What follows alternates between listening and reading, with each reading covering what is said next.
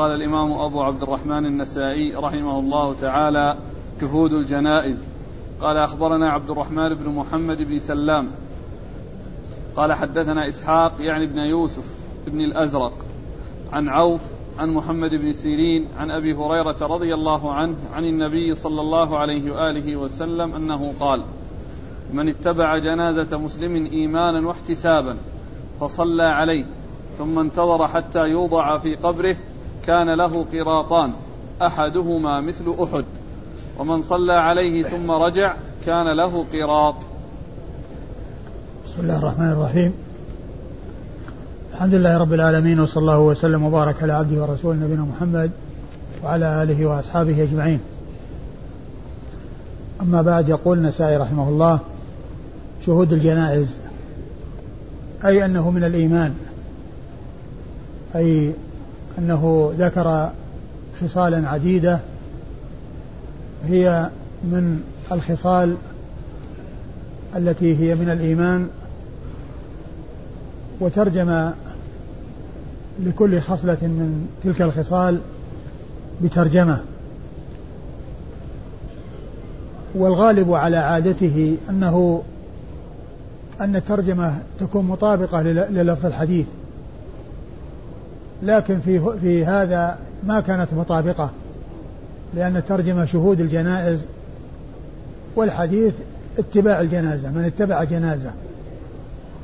فالذي هو جار على عادته بحيث يترجم على لفظ الحديث أن يقول اتباع الجنائز بدل شهود الجنائز لأنه لفظ جاء بالخبر و وشهود الجنائز هنا ما جاء وإن كان معناه هو معنى الاتباع والحضور لأن الشهود هو الحضور والشاهد هو الحاضر وضد الغائب. والمعنى صحيح لكنه غير مطابق للترجمة كما هو الموافق لعادته المعروفة. واتباع الجنائز يكون يعني وذلك بالصلاة عليها وب الذهاب إلى المقبرة وشهود دفنها كل هذا يدخل في شهود الجنائز ويدخل في اتباع الجنائز. وقد أورد النسائي حديث أبي هريرة رضي الله تعالى عنه أن النبي صلى الله عليه وسلم قال من اتبع جنازة جنازة مسلم. نعم. من اتبع جنازة مسلم. إيمانا واحتسابا. إيمانا واحتسابا فصلى عليها وشهد فصلى عليه ثم انتظر حتى يوضع في قبره. فصلى عليه ثم انتظر يعني أنه لم ينصرف بعد الصلاة عليه بل مشى معه وانتظر حتى يوضع في قبره فله قيراطان. يعني قيراط على صلاته وقيراط على شهوده الدفن والذهاب معه للمقبرة. ومن صلى عليها ولم وصلى له وانصرف. ومن صلى أخير آخر ومن صلى عليه ثم رجع كان له قيراط. ومن صلى عليه ثم رجع يعني فلم يذهب للمقبرة ولم يشهد الدفن فله قيراط. يعني أنه إذا صلى ولم يذهب المقبرة يحصل قيراطا. وإذا صلى وذهب المقبرة يحصل قيراطين قيراط من أجل الصلاة وقيراط من أجل الدفن. وقد جاء في بعض الروايات هنا ما في جبل أحد. مثل أحد. نعم مثل أحد. يعني القيراط مثل جبل أحد يعني أنه شيء عظيم وثواب جزيل وهو مثل أحد. يعني هذا الجبل الذي نشاهده ونعاينه في المدينة.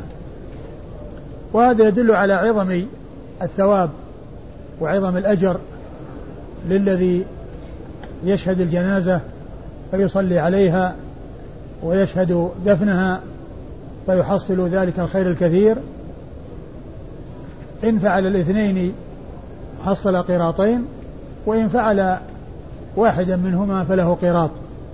وقد جاء عن ابن عمر رضي الله تعالى عنه وأرضاه أنه لما بلغه الحديث قال لقد فرطنا في قراريط كثيرة. لقد فرطنا في قراريط كثيرة يعني فاتنا. يعني تحصيل هذا الأجر وهذه القراريط العظيمة التي تحصل لمن صلى على الجنازة وشهدها. وإنما أورد النسائي الحديث في كتاب الإيمان من أجل قوله إيمانا واحتسابا. من اتبع الجنازة إيمانا واحتسابا. يعني من أجل آه ما من, أجل ما جاء عن الله وعن رسوله صلى الله عليه وسلم من أجل ما جاء عن النبي صلى الله عليه وسلم في ذلك واحتسابا للأجر والثواب عند الله عز وجل أي أن يكون الباعث له على ذلك رجاء الثواب وتحصيل الأجر والثواب من الله سبحانه وتعالى. نعم إسناد. قال أخبرنا عبد الرحمن بن محمد بن سلام. أخبرنا عبد الرحمن بن محمد بن سلام وهو لا بأس به ولا بأس به بمعنى صدوق عند الحافظ بن حجر وحديثه أخرجه أبو داود والنسائي. عن إسحاق يعني ابن يوسف بن الأزرق. إسحاق يعني ابن يوسف الأزرق. عبد الرحمن بن محمد بن سلام ذكر شيخه باسمه فقط وما نسبه وهذا يسمى المهمل في علم المصطلح. المهمل يعني لم ينسب. فلما جاء الذي بعد تلميذه عبد الرحمن بن محمد بن سلام عبد الرحمن بن محمد بن سلام وهو النسائي أو من دون النسائي. أراد أن يبين من هو آه من هو إسحاق هذا. فأضاف ابن يوسف الأزرق. إسحاق بن يوسف الأزرق. لكن ما قال إسحاق بن يوسف الأزرق؟ لأنه لو قال هاك لو قالها هكذا لظن أن هذا كلام التلميذ. والتلميذ ما زاد على كلمة إسحاق. فالذي جاء بعده أراد أن يبين ويوضح فأتى بكلمة تدل على أن التوضيح ممن دون التلميذ وهي كلمة يعني يعني أي أي عبد الرحمن بن سلام يعني بقوله إسحاق إسحاق بن يوسف الأزرق. فقائلها من دون من دون عبد الرحمن بن سلام وفاعلها ضمير مستتر لأنه فعل مضارع ضمير مستتر يرجع إلى إلى عبد الرحمن بن محمد بن سلام. وهو ثقة أخرج له أصحاب الكتب الستة. إسحاق بن يوسف الأزرق ثقة أخرج له أصحاب الكتب الستة. عن عوف. عن عوف بن أبي جميلة الأعرابي وهو ثقة أخرج له أصحاب الكتب الستة. عن محمد بن سيرين. عن محمد بن سيرين وهو ثقة أخرج له أصحاب الكتب الستة. عن أبي هريرة. عن أبي هريرة عبد الرحمن بن صخر الدوسي صاحب رسول الله. صلى الله عليه وسلم وأحد السبعة المعروفين بكثرة الحديث عن النبي صلى الله عليه وسلم بل هو أكثر السبعة حديثا على الإطلاق قال رحمه الله تعالى الحياء. قال أخبرنا هارون بن عبد الله. قال حدثنا معا قال حدثنا مالك. حاء. والحارث بن مسكين قراءة عليه وأنا أسمع عن ابن القاسم. قال أخبرني مالك واللفظ له. عن ابن شهاب عن سالم عن أبيه رضي الله عنه. أن رسول الله صلى الله عليه وآله وسلم مر على رجل يعظ أخاه في الحياء فقال دعه فإن الحياء من الإيمان. ثم ورد النسائي هذه الترجمة وهي الحياء أي أنه من الإيمان. وقد أورد النسائي حديث عبد الله بن عمر بن الخطاب رضي الله تعالى عنهما أن النبي صلى الله عليه وسلم مر برجل يدع يعظ. يعظ أخاه. في الحياء ويعني أنه يقول له ما معناه؟ إنك تستحي وإن الحياء يفوت عليك شيئا ويلحق بك ضررا وما إلى ذلك. فقال عليه الصلاة والسلام دعه فإن الحياء من الإيمان. دعه فإن الحياء من الإيمان. الحياء يأتي بخير. والإنسان يعني إذا استحيا من الله عز وجل واستحيا من الناس فهو على خير. وإنما البلاء يأتي مع قلة الحياء. كما جاء في الحديث الذي رواه البخاري إنما مما أدرك الناس من كلام النبوة الأولى إذا لم تستحي فاصنع ما شئت. إن مما أدرك الناس من كلام النبوة الأولى إذا لم تستحي فاصنع ما شئت. فالذي لا يستحي هو الذي يحصل منه الفساد ويحصل منه الشر. وأما من يكون فيه حياء يستحي من الله ويستحي من الناس فهذا على خير. فالرسول صلى الله عليه وسلم أمره بأن يتركه وهذه الصفة وأن وبين عليه الصلاة والسلام أن الحياء من الإيمان بل قد بين ذلك رسول الله صلى الله عليه وسلم في الحديث الذي تقدم وهو أنه لما قال أو بين أن الإيمان بضع وسبعون شعبة قال أعلاها قول لا إله إلا الله وأدناها إماطة الأذى عن الطريق والحياء شعبة من الإيمان. نص على الحياء من بين الشعب بعدما ذكر الأعلى والأدنى نص على الحياء لعظم شأنه ولعظم الفوائد التي تترتب عليه وأن الحياء خلق كريم يدعو إلى امتثال الأوامر وبأن يستحي من الله فلا يراه الله حيث نهاه بل يراه حيث أمره بل يراه حيث أمره. فيستحي أن يكون بخلاف ذلك بأن يراه الله حيث نهاه ولا يراه حيث أمره بل يكون موجودا عند الأوامر ممتثلا لها وعند النواهي مبتعدا عنها حذرا منها بعيدا منها. نعم الاسناد قال أخبرنا هارون بن عبد الله. هارون بن عبد الله الحمال البغدادي ثقة أخرج له مسلم وأصحاب السنن. قال حد عن عن معن. عن معن بن عيسى معن هو ابن عيسى صاحب الإمام مالك وهو ثقة أخرج له أصحاب الكتب الستة. عن مالك. عن مالك بن أنس إمام دار الهجرة الإمام الفقيه المشهور أحد أصحاب المذاهب الأربعة المشهورة من مذاهب أهل السنة وحديثه أخرجه أصحاب الكتب الستة. حاء والحارث بن مسكين. ثم قال حاء وهي التحول من إسناد إلى إسناد. الحارث المسكين هو الشيخ الثاني له في هذا الحديث أو في هذا في هذا الإسناد وهو ثقة أخرج له أخرجه أبو داود والنسائي. عن ابن القاسم. عن ابن القاسم هو عبد الرحمن بن القاسم صاحب الإمام مالك وهو ثقة أخرج له البخاري وأبو داود في المراسيل والنسائي. عن مالك عن ابن شهاب. عن مالك عن ابن شهاب ابن شهاب هو محمد بن مسلم ابن عبيد الله بن شهاب الزهري ثقة أخرج له أصحاب الكتب الستة. عن, عن سالم بن عبد الله بن عمر بن الخطاب رضي الله تعالى عنهما وهو آه ثقة فقيه أحد فقهاء المدينة السبعة في عصر التابعين على أحد الأقوال الثلاثة في السابع منهم وحديثه أخرجه أصحاب الكتب الستة. عن عبد الله بن عمر بن الخطاب رضي الله تعالى عنهما وهو صحابي الجليل أحد العباد له الأربعة من أصحاب رسول الله صلى الله عليه وسلم. وهم عبد الله بن عمر وعبد الله بن بن عمر وعبد الله بن الزبير وعبد الله بن عباس وهو أحد السبعة المعروفين بكثرة الحديث عن النبي صلى الله عليه وسلم. وهم أبو هريرة وابن عمر وابن عباس وأبو سعيد وأنس وجابر وأم المؤمنين عائشة رضي الله عنهم وعن الصحابة أجمعين. يقول أخبرني مالك واللفظ له. في الإسناد الثاني. لا هو اللفظ ليس لمالك لأن هو مالك هو هو الذي ملتقى الإسنادين. هو ملتقى الإسنادين. لكن آه لعل المقصود به الأخير الذي هو الذي يروي عن مالك. الذي هو الأخير مش الأول. لأن الكلام يعني آه متصل مع الإسناد الثاني. فمالك يعني طبعا آه هو على كل حال هو ملتقى الإسنادين. فكل الإسنادين يلتقيان عنده. فلا يصلح أن يقال اللفظ لمالك وهو ملتقى الإسنادين. وإنما المقصود من ذلك إما تلميذي إما شيخي النسائي يعني وهما الحارث المسكين وال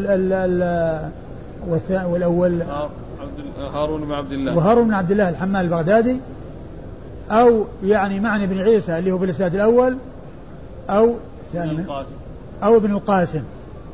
فهو إما أن يكون ابن القاسم أو يكون الحارث المسكين. ولا يصلح أن يكون مالك لأن مالك هو ملتقى الإسنادين وإنما اللفظ له إذا حصل التعدد والتعدد دون مالك. السيوطي كلام صحيح في الشرح يشرح يقول فقال دعه أي اتركه على هذا الخلق السيء. والله كلمة السيئة هذه ما هي ما هي ما هي واضحة ما هي جيدة. يعني دعه على هذا الخلق يعني الذي هو عليه. ما أدري كلمة سيئة هذه هي فيها تصحيف وإلا يعني آه وإلا يعني آه ما أدري. يعني ما هي واضحة كلمة سيء هو هو الحياء فيه حياء يكون سيء يعني الذي هو ضعف ويعني عدم يعني الذي هو ضعف في الشخص. يعني و يعني وهذا هو الذي يمنع يعني من تحصيل الخير. ولهذا يعني العلم لا يناله مستحي ولا مستكبر. لا يناله مستحي ولا مستكبر. يعني طبعا هذا الحياة غير محمود. يعني غير محمود. لكن الرسول قال دعه يعني مناه أن صفة الحياء وأن يعني ما عنده من الحياء يعني هو محمود. يعني وقال إنه من الإيمان. وليس من الإيمان يعني الحياء الذي هو خور والذي هو ضعف والذي هو يعني نقص في الإنسان. فإن هذا يعني الحياء الذي يعني يفوت الخير. ويمنع الخير هذا هو محمود. ما هو محمود؟ المحمود هو الذي يأتي بالخير. والذي يدفع الشر. لا ينال هذا العلم مستحي ولا مستكبر. المستكبر يعني يعني آه، الأنفة والاستكبار تحول بينه وبين تحصيل ما يراد. والمستحي يعني آه، ما عنده قدرة أو ما عنده يعني آه، تمكن من أنه يسأل لاستحيائه.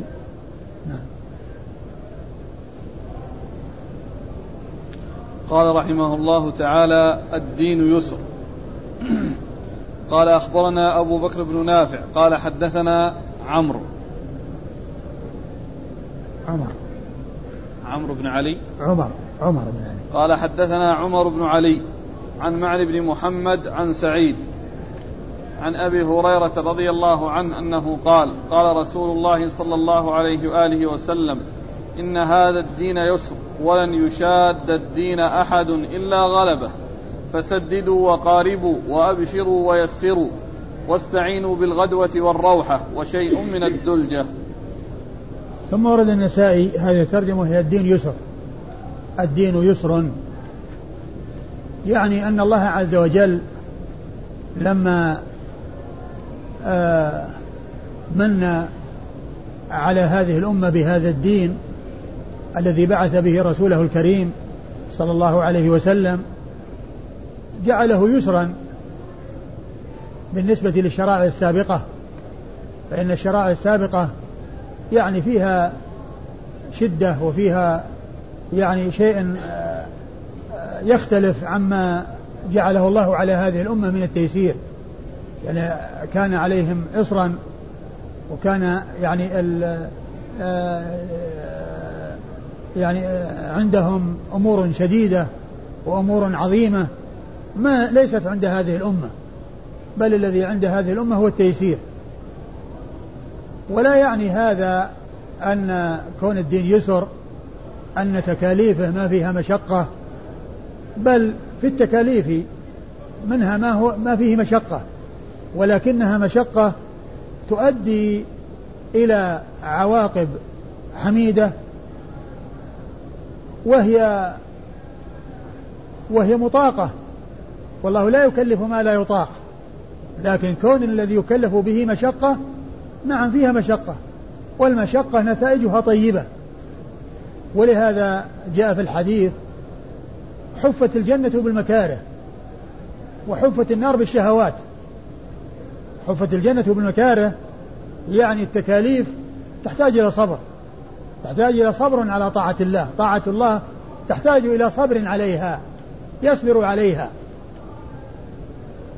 ومن ذلك مثلا كون الإنسان يكون في النوم في الليل مستغرق في نومه متلذذ في فراشه لا سيما في وقت الشتاء حيث يطيب الفراش ويطيب المكان الدافئ ثم بعد ذلك يأتي النداء لصلاة الفجر. وفي النداء الصلاة خير من النوم.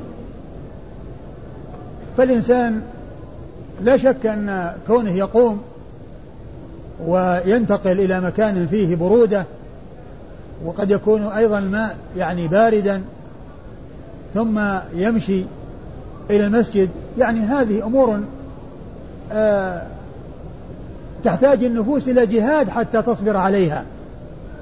والذي لا يجاهد نفسه ولا يصبر على الطاعة يعني يخلد إلى الراحة ويبقى في الفراش. وهذه من صفات المنافقين الذين يتأخرون عن الصلاة. لا سيما صلاة العشاء وصلاة الفجر كما جاء في الحديث. أثقل الناس أثقل الصلاة على المنافقين صلاة العشاء وصلاة الفجر. ولو يعلمون ما فيهما من أجر لأتوهما ولا حبوا وكذلك المال.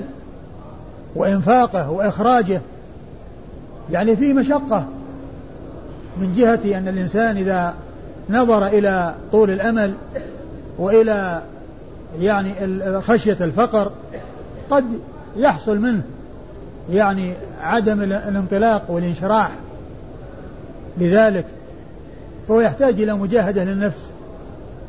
وهكذا حفت الجنة بالمكاره وحفت النار بالشهوات. فالدين يسر في تشريعه في شا في شا يعني الله تعالى شرع فيسر ولم يجعل هذه الأمة كغيرها من الأمم التي كلفت ما لم تكلف به هذه الأمة. كلفت ما لم تكلف به هذه الأمة فهو يسر.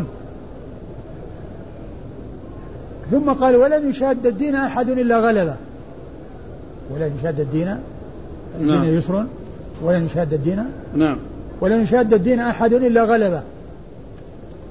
يعني أن الإنسان لا يعني يزيد ولا يتجاوز الحدود ولا يتنطع ولا يغلو وإنما يعتدل ويتوسط.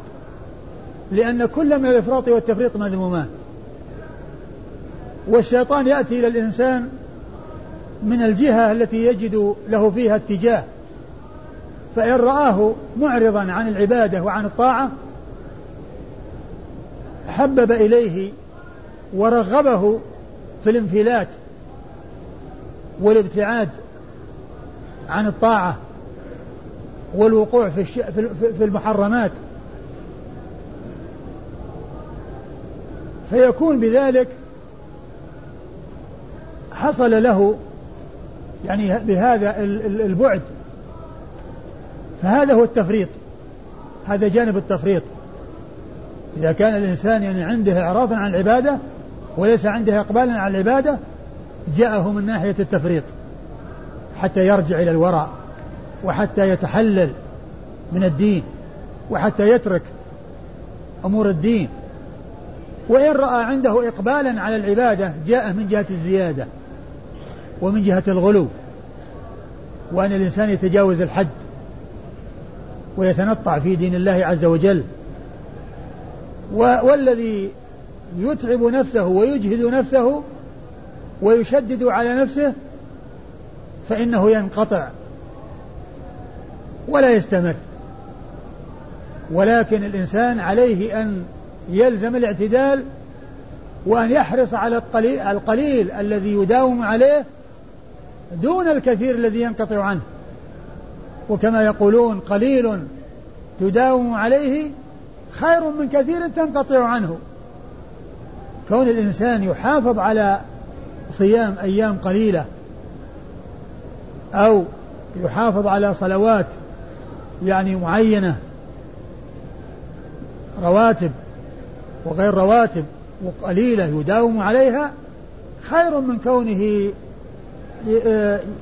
يعني يكثر ثم يمل ويترك فيكون بذلك هذه الكثرة وهذه وهذه ال ال ال ال الاتيان بالشيء الكثير ترتب عليه تركه كله لكن كونه يأتي بالشيء ويداوم عليه هذا هو الذي يكون الإنسان ملازما الطاعة ويكون على صلة دائمة بالله عز وجل.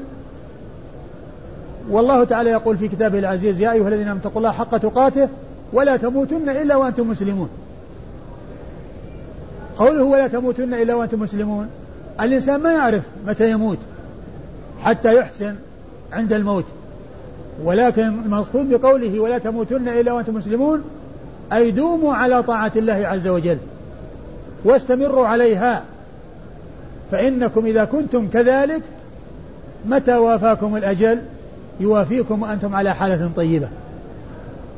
بخلاف الإنسان الذي يجتهد في بعض الأحيان ثم يترك قد يوافيه الأجل في حال الترك.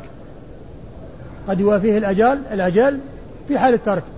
لكن إذا داوم على القليل واستمر على القليل في أي لحظة يوافيه الأجل يأتي وهو على حالة طيبة. يأتي وهو على حالة طيبة. يا أيها الذين اتقوا الله حق تقاته ولا تموتن إلا وأنتم مسلمون. يعني دوموا على طاعة الله. حتى إذا وافاكم الأجل يوافيكم وأنتم على حالة طيبة.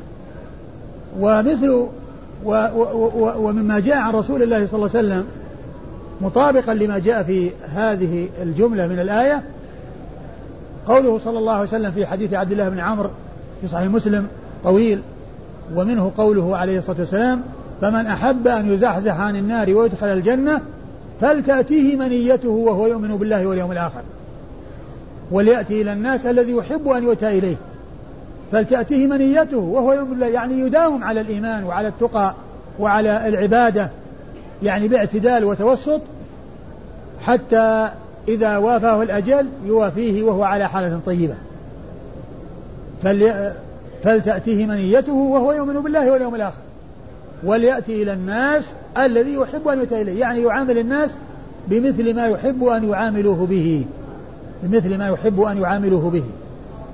الحاصل أن أن أن الشيطان يأتي للإنسان من جهتين من جهة الإفراط ومن جهة التفريط. فإن رأى عنده عزوفا عن العبادة وانصرافا عن العبادة وابتعادا عن العبادة رغبه فيما هو فيه من البعد عن العبادة ورغبه في الشهوات وفي المحرمات وفي معصية الله عز وجل معصية رسوله صلى الله عليه وسلم. لأنه بعيد عن العبادة فأراد أن يكون على بعده أو يزيد في بعده أو يزيد في بعده. وإن رآه مقبلا على العبادة ولا سبيل إلى الإتيان إليه عن طريق التفريط وعن طريق الابتعاد عن العبادة جاء من جهة الزهد في العبادة. كونه يزيد ويغلو. يزيد ويغلو. والرسول صلى الله عليه وسلم نهى عن الغلو في الدين. لما انصرف من مزدلفة إلى منى أمر الفضل بن عباس وكان رديفه أن يلقط له حصى فلقط له سبع حصيات. يرمي بها جمرة العقبة. فأخذهن صلوات الله وسلامه وبركاته عليه ووضعهن بيده وجعل يقلبهن والناس يرون. وهي حصى ليست كبيرة ليست كبيرة مثل يعني فوق الحمص ودون البندق. يعني مثل حصى الخلف الذي يكون رابط بين الأصابع يعني ما هي كبيرة. قال بمثل هذا فرموا وإياكم والغلو. فإنما أهلك من كان قبلكم الغلو في الدين. بمثل هذا فرموا وإياكم فالغلو. يعني معناه يأتي الشيطان مثل في مثل هذه المسألة فيقول الإنسان يعني حصى صغيرة دي ما تكفي. خذ لك حجر كبير. خذ لك يعني نعل. خذ لك يعني طوب. خذ لك يعني كذا يعني شيء. هذا غلو لأن الشرع جاء بهذا المقدار. فالإنسان إذا زاد عليه أو أتى بشيء كبير دخل تحت يعني هذا المحذور الذي حذر فيه من الرسول. قال إيه بمثل هذا فرموا وإياكم والغلو. وإياكم والغلو يعني ما ترموا بحصى كبار. ما تزيدوا على هذا المقدار. فإنما أهلك من كان قبلكم الغلو في الدين. فإنما أهلك من كان قبلكم الغلو في الدين. لهذا قوله صلى الله عليه وسلم ولن يشهد الدين أحد إلا غلبه يعني معناه الإنسان الذي يأتي بزيادة يعني معناه يؤول أمره إلى أن ينقطع. ويكون مثل مثل مثل ما جاء يعني في يعني عبارة ما أدري هي جاءت عن بعض الصحابة وكذا قال يعني آه، فإن المنبت لا لا ظهرا أرض أبقى ولا أرضا قطع. يعني الإنسان الذي يعني يسير ثم يجهد في السفر ويتعب في يتعب نفسه في السفر. أو يتعب دابته في السفر النتيجة أن ظهره يتعب اللي هو المركوب الذي يركب عليه ويتضرر ويهزل. ثم يعني يفتر عن الحركة فلا يكون لا, لا أبقى ظهره وهي مركوبة ولا قطع أرضا. لكنه إذا مشى يعني شيئا فشيئا شيئا فشيئا. يعني واستمر على يعني المشي بهدوء أو كثر من المشي بهدوء غير ما إذا أجهد نفسه بسرعة. غير ما إذا أجهد نفسه بسرعة. ولهذا نشاهد الآن يعني في, في السفر الآن بعض السيارات الصغيرة التي تأتي وتسرع. يسرع الإنسان ثم يقف في موقف من المواقف وفيه السيارات الكبيرة هذه اللي تحمل البضائع الكبيرة تمشي الهوينة وتدب. ثم يعني يجد الإنسان إذا وقف يعني جلس يعني في مكان هذا وإذا التي تجاوزها من مدة وصلت راحت. تجاوزته وهو جالس. يعني بسبب يعني سرعته وكونها يعني يعني بهدوء وبكذا يعني الشيء القليل مع المداومة عليه يكثر. الشيء القليل مع المداومة عليه يكثر. والكثير يعني قد يحصل قد يحصل فيه تعب وقد يترتب عليه مضرة وقد يترتب عليه هلاك. هذه السرعة التي تحصل يعني يترتب عليها كثيرا الهلاك. ولهذا قوله ولن يشاد الدين أحد إلا غلبه يعني إلا وينقطع. ينقطع أمام يعني هذا الدين وإنما الإنسان إذا أخذ بالاعتدال وأخذ بالتوسط وابتعد عن الإفراط والتفريط فإنه يكون يعني آه، على حالة طيبة وعلى طريقة سليمة ويكون بذلك آه، سلم من طرفي الإفراط والتفريط وهما المذمومان لأن الحق وسط بينهما كما قال الخطابي رحمة الله عليه في بيت من الشعر يقول ولا تغلو في شيء من الأمر. واقتصد يتوسط. كلا طرفي قصد الأمور ذميم. كلا طرفي قصد الأمور ذميم. يعني الطرفان اللذان بينهما الوسط مذمومان. الغلو والجفاء والإفراط والتفريط. والله تعالى يقول في القرآن ولا تجعل يدك مغلولة إلى عنقك ولا تبسطها كل البسط. فتقعد ملوما محسورا يعني معناه توسط. وكذلك قوله والذين إذا أنفقوا لم يسرفوا ولم يقتروا. وكان بين ذلك قواما. يعني توسط. توسط في الأمور. ولا يشدد حل غلبة؟ إيش؟ فسددوا وقاربوا. فسددوا يعني أسلكوا طريق السداد. وخذوا بطريق السداد. وهي الاعتدال والتوسط والإتيان بما أمر الله به ورسوله صلى الله عليه وسلم بدون إفراط أو تفريط. بدون إفراط الذي هو الغلو وبدون تفريط الذي هو التقصير. وإذا لم يحصل التسديد والكمال فما يقارب ذلك. فما يقارب ذلك. يعني مقاربة الكمال ومقاربة السداد. إذا ما حصل السداد وهو الكمال والذي يعني هو المطلوب على وجه التمام والكمال فلتكن المقاربة وليكن الشيء الذي قريب من ذلك. أيوة. وأبشروا ويسروا. وأبشروا ويسروا. وأبشروا يعني بالثواب على سلوككم هذا المسلك الطيب. ويسروا أيضا أنتم كما تسلكون طريق اليسر وتحبون طريق اليسر وطريق الاعتدال وتأخذوا بها أيضا ارشدوا إليها. وأبشروا ويسروا نعم. أيوة. واستعينوا بالغدوة والروحة. واستعينوا بالغدوة والراحة هو شيء من الدلجة. الغدوة هي السير في أول النهار والدلجة السير والروحة السير في آخر النهار والدلجة السير في الليل أو في آخر الليل. يعني والمقصود من هذا أن الإنسان المسافر أن الإنسان المسافر في الدنيا يعني أنه إذا يعني استمر في السير وواصل السير يعني يتعب ويتعب مركوبه. ولكنه إذا يعني أتى حرص على الأوقات التي فيها نشاط فعمل في يعني في الغدوة وفي الروحة وشيء من الدلجة ولم يكلف نفسه فإنه ينتهي إلى ما يريد بدون تعب ومشقة بدون تعب ومشقة. وكذلك الذي يسير إلى الله عز وجل في عبادته عليه أن يكون معتدلا متوسطا يعني ينظر إلى الشيء الذي يأتي به على وجه الاعتدال بحيث لا يزيد ثم ينقطع.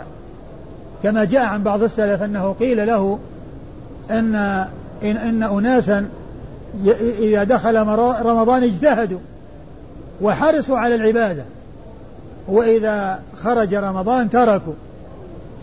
وإذا خرج رمضان تركوا. آخر عهدهم بالعبادة في رمضان. قال بئس القوم لا يعرفون الله إلا في رمضان. بئس القوم لا يعرفون الله إلا في رمضان. ورب رمضان هو رب شوال ورب ذو قعدة وذي الحجة وشهور العام. والله تعالى يعبد في كل زمان. واعبد ربك حتى يأتيك اليقين يعني حتى يأتيك الموت. يعني الإنسان يداوم العبادة. فكونه يكون على شيء يعني آه، يداوم عليه هذا أمر مطلوب وشيء حسن ويقولون قليل تداوم عليه خير من كثير تنقطع عنه.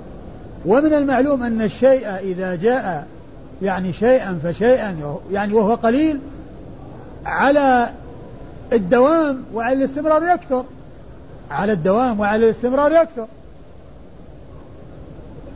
من المعلوم أن يعني أن, أن, الحجر ومع غلظه إذا حصل استمرار الشيء اللين عليه يعني يؤثر فيه.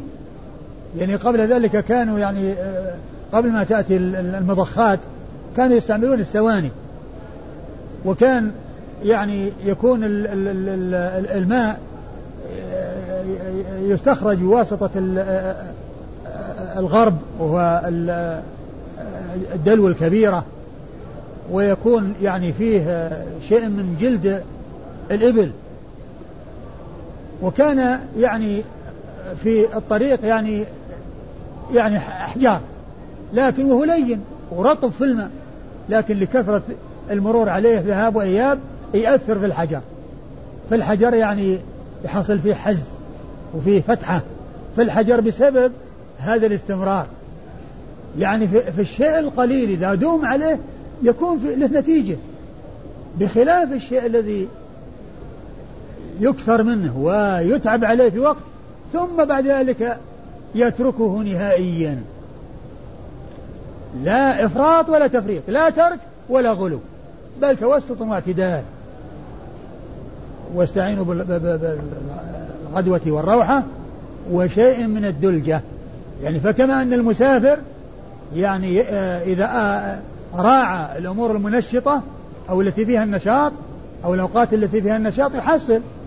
لكن إذا استمر ليلا ونهارا يعني معنى هذا أنه يؤدي به ذلك إلى الملال وإلى الترك وإلى ترك ما, ما هو عليه. أيوه.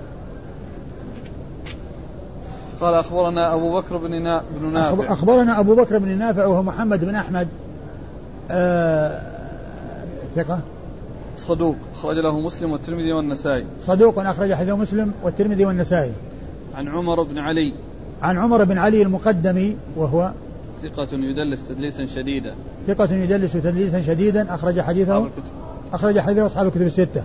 عن معن بن محمد. عن معن بن محمد وهو مقبول. أخرج حديثه البخاري ومسلم والنسائي وابن ماجه. البخاري ومسلم والنسائي وابن ماجه. عن سعيد. عن سعيد يروي عن من؟ عن أبي هريرة عن سعيد يروي عن أبي هريرة؟ أي عن عن سعيد سعيد المقبري سعيد بن أبي سعيد المقبري سعيد بن أبي سعيد المقبري وهو ثقة أخرجه أصحاب الكتب الستة. عن أبي هريرة عبد الرحمن بن صخر الدوسي صاحب رسول الله صلى الله عليه وسلم وقد مر ذكره. قال رحمه الله تعالى: أحب الدين إلى الله عز وجل. قال أخبرنا شعيب بن يوسف عن يحيى وهو ابن سعيد عن هشام بن عروة. قال أخبرني أبي عن عائشة رضي الله عنها أن النبي صلى الله عليه وآله وسلم دخل عليها وعندها امرأة. فقال من هذه؟ قالت فلانة. لا تنام تذكر من صلاتها. فقال مه عليكم من العمل ما تطيقون. فوالله لا يمل الله عز وجل حتى تملوا. وكان أحب الدين إليه ما, ما دام عليه صاحبه. ثم ورد النسائي هذه الترجمة وهي أحب, أحب, أحب العمل إلى الله. أحب الدين. أحب الدين إلى الله. أدومه ولا ما ذكر لا ما في. أحب الدين إلى الله أي الدائم الذي يكون يعني أي العمل يعني آه، وفقا للدين ووفقا للإسلام هو الذي يكون دائما. يعني ولو كان قليلا. الدائم ولو كان قليلا. لما ذكر الترجمة السابقة وهي أن الدين يسر ولن يشد الدين أحد إلا غلبه بعد ذلك أتى بهذه الترجمة التي فيها الإرشاد إلى التوسط والاعتدال وأن الأحب إلى الله عز وجل هو الأدوم ولو كان قليلا. لأن القليل الذي يداوم عليه خير من الكثير الذي ينقطع الذي ينقطع عنه الإنسان. أورد النسائي حديث أبي هريرة رضي الله عنه. حديث حديث إيش؟ عائشة حديث عائشة رضي الله عنها أن النبي صلى الله عليه وسلم قال دخل عليها وعندها نعم امرأة دخل عليها وعندها امرأة فقالت قال من هي؟ قالت من هي؟ من هذه؟ من هذه؟ قالت فلانة وجعلت تذكر من صلاتها وكثرة صلاتها وتمدحها وتثني عليها قال ما يعني يعني لا تمدحي يعني بهذا فإن هذا قد يكون فيه غلو وقد يؤدي إلى الغلو ثم قال عليه الصلاة والسلام عليكم من الأعمال ما تطيقون. يعني الشيء الذي تقدرون عليه وتقدرون على الوفاء به. ولهذا عبد الله بن عمرو بن العاص رضي الله تعالى عنه لما جاء إلى النبي صلى الله عليه وسلم في أول أمر وقال أنه يعني الصلاة في صلاة يستأذنه في الصلاة وفي الصيام. فكان يعني وقال إني أطيق أكثر من ذلك أطيق أكثر من ذلك. وبعد ذلك لما استقر على الشيء الذي أخبر به وأنه صيام داود صيام يوم وإفطار يوم يعني آه، بعد ذلك لما كبر وكان يشق عليه أن يأتي بهذا الشيء الذي وعد الرسول صلى الله عليه وسلم أو آه، آه، يعني فهو تكلم مع الرسول صلى الله عليه وسلم بشأنه وهو أنه يطيق والرسول قال له كذا حتى نزل إلى يعني صيام داود وأنه صيام يوم وليلة. صيام يوم وترك يوم. صيام يوم وإفطار يوم.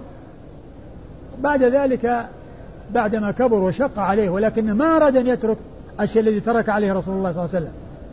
فكان حريصا على أن يؤدي هذا الذي ترك عليه رسول له رسول الله صلى الله عليه وسلم.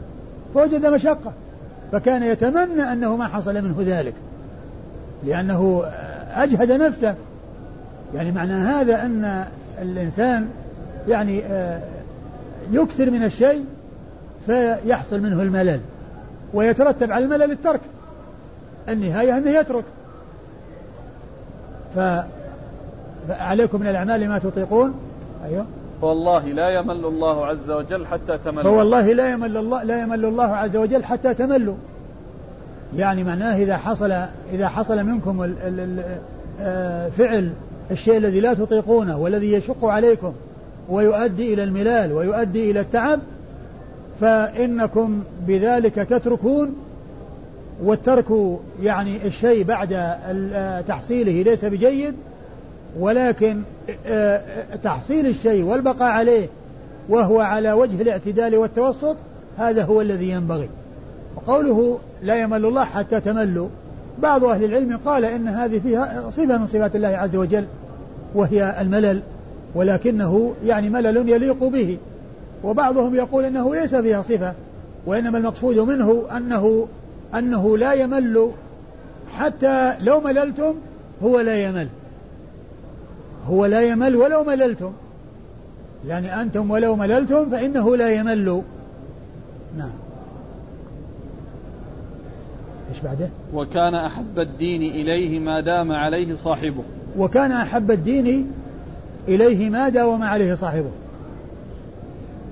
يا أحب الدين إلى الله ما دام ما داوم عليه صاحبه. هذا هو الذي أحب إلى الله عز وجل.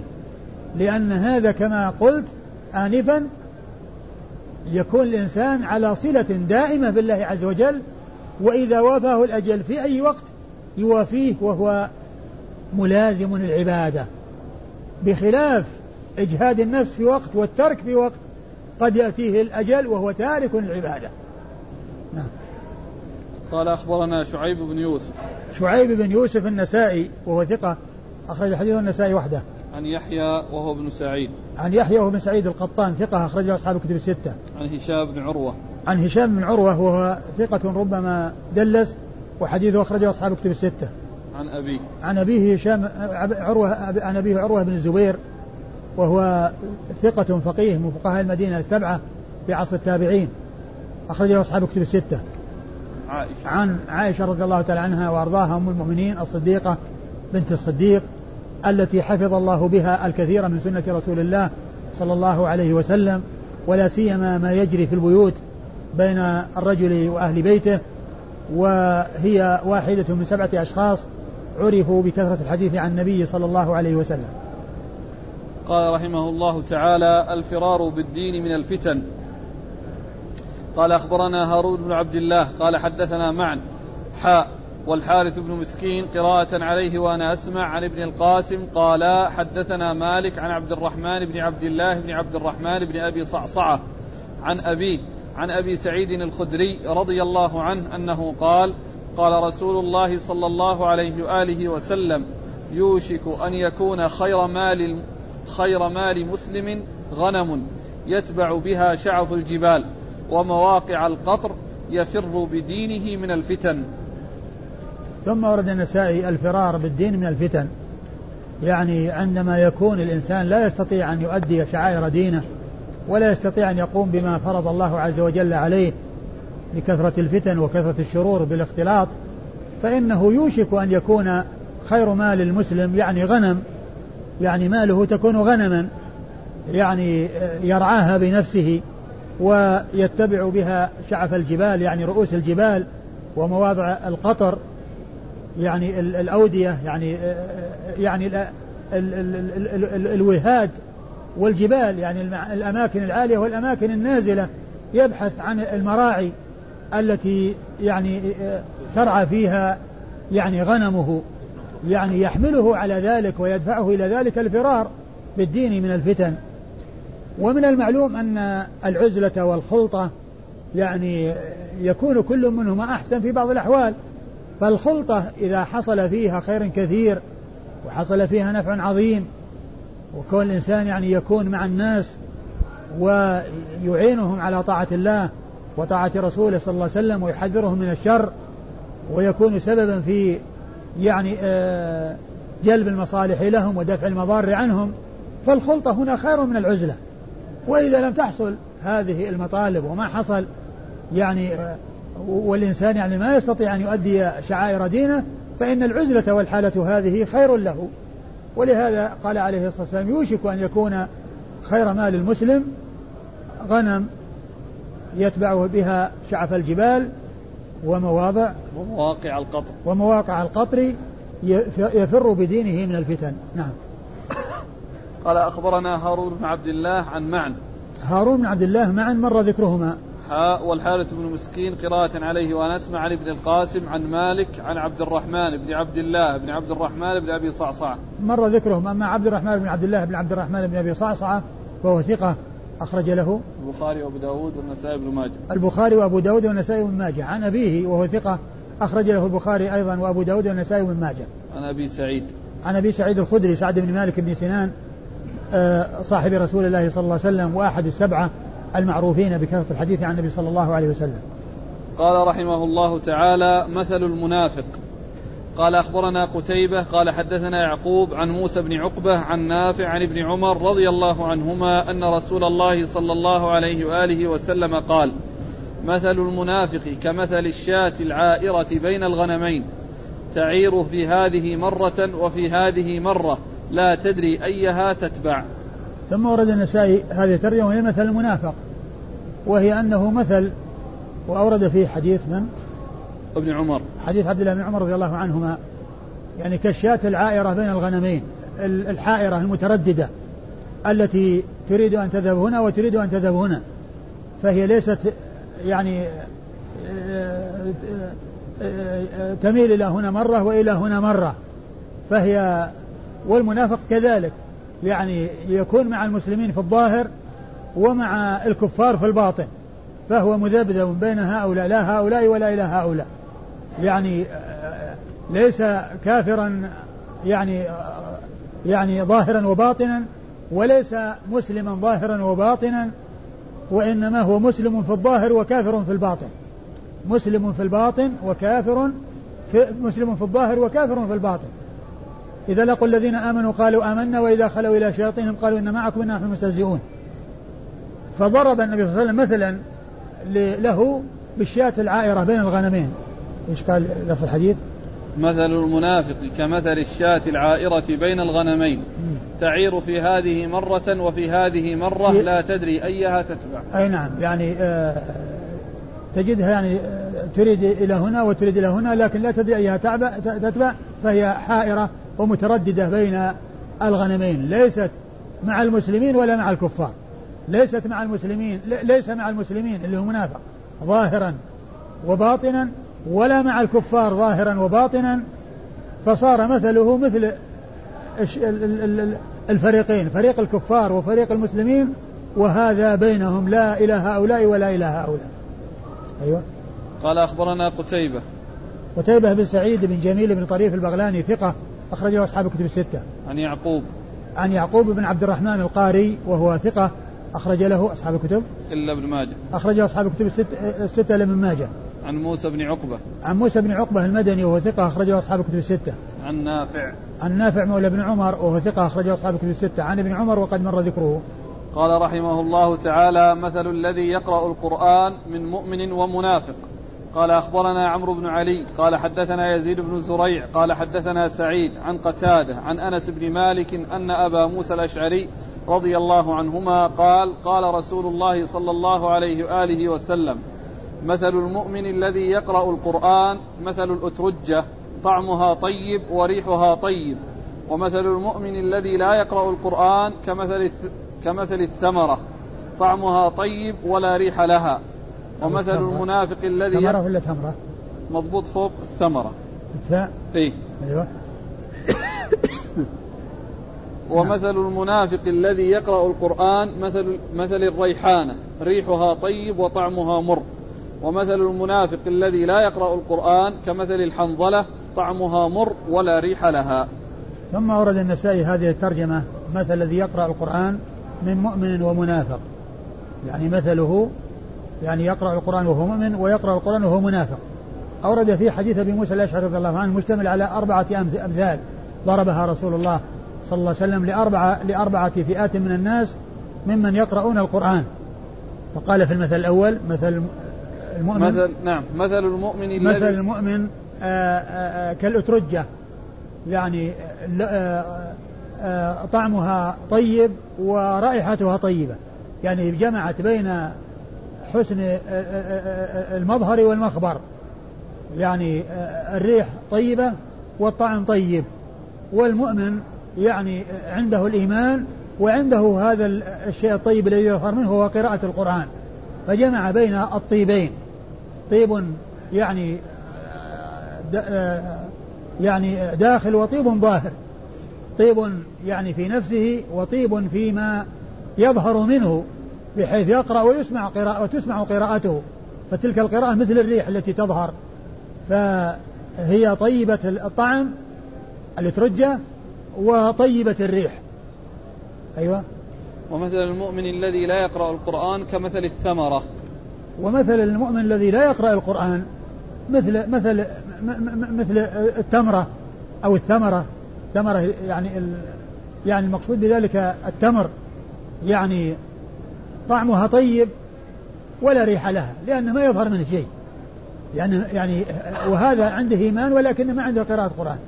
عنده إيمان ولكن ما عنده قراءة قرآن فيكون عند فيكون عنده هذا الوصف الذي هو الطعم الطيب والذي يخرج منه ما هو موجود ليس كذاك الذي يقرأ الذي هو مؤمن ويقرأ فيكون فيه طعم وفيه ريح.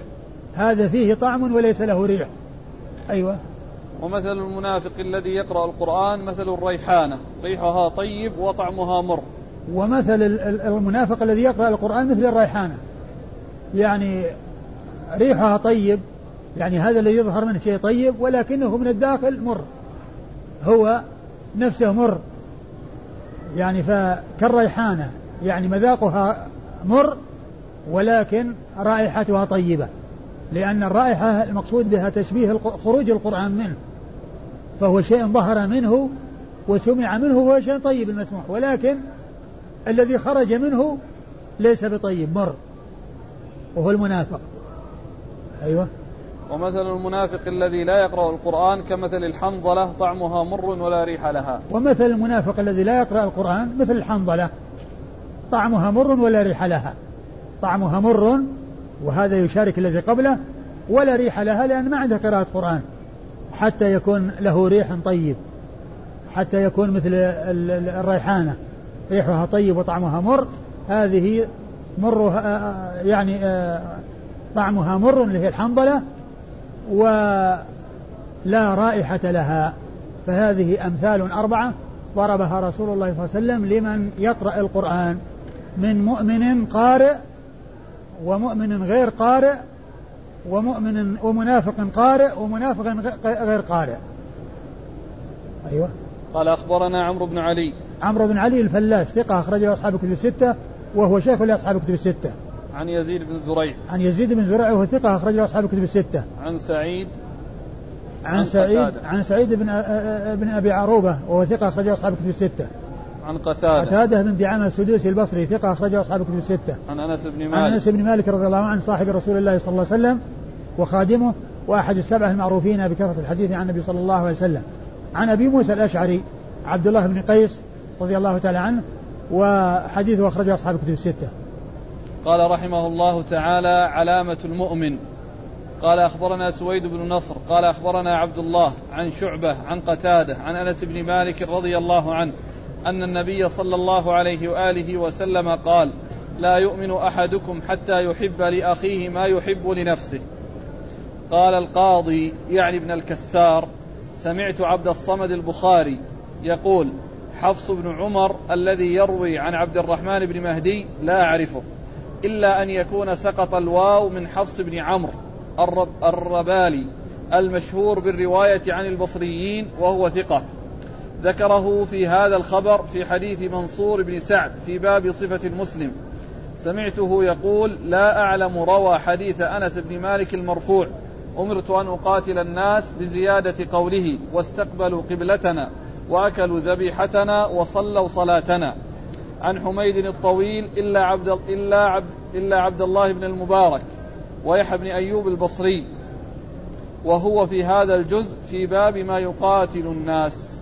ثم ورد النسائي هذه الترجمة هي علامة المؤمن وهي أن يحب لأخيه ما يحب لنفسه. والحديث سبق أن مر تحت باب صفة المسلم وأنها علامة المسلم وأن هذه من العلامات كما سبق أن مر بنا علامات عديدة للمؤمن ومنها أن يحب لأخيه ما يحب نفسه ومنها حب الأنصار ومنها حب علي رضي الله تعالى عنه وغير ذلك مما مر. والحديث سبق أن مر وفي آه، آه، الحديث حديث من هو؟ حديث أنس. حديث أنس قد قد مر. ثم قال في آخره قال القاضي يعني ابن الكسار سمعت عبد الصمد البخاري يقول حفص بن عمر هذا آه، آه، يقول إنه لا أعرفه إلا أن يكون سقط سقطت الواو من آه، من عمر من عمر فيكون عمر حفص بن عمر وهو الربالي وهو ثقة وهو يروي عن البصريين.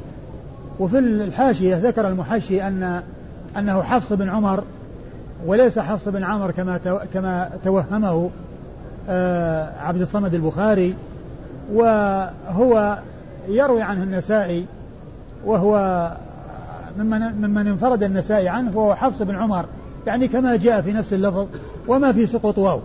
ليس في سقط واو بل هو حفص بن عمر وليس حفص بن عمر وأشار إلى أنه مر ذكره يعني هذا الكلام كله بعد ما انتهى الباب أو انتهى الكتاب أشار إلى إلى موضعين.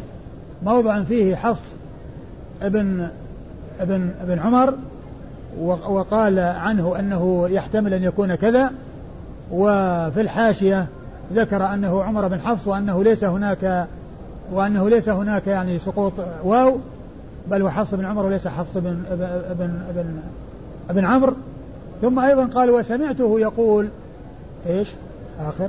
لا أعلم روى حديث أنس بن مالك المرفوع أمرت أن أقاتل الناس بزيادة قوله واستقبلوا قبلتنا وأكلوا ذبيحتنا وصلوا صلاتنا عن حميد الطويل إلا عبد الله بن المبارك ويحيى بن أيوب البصري.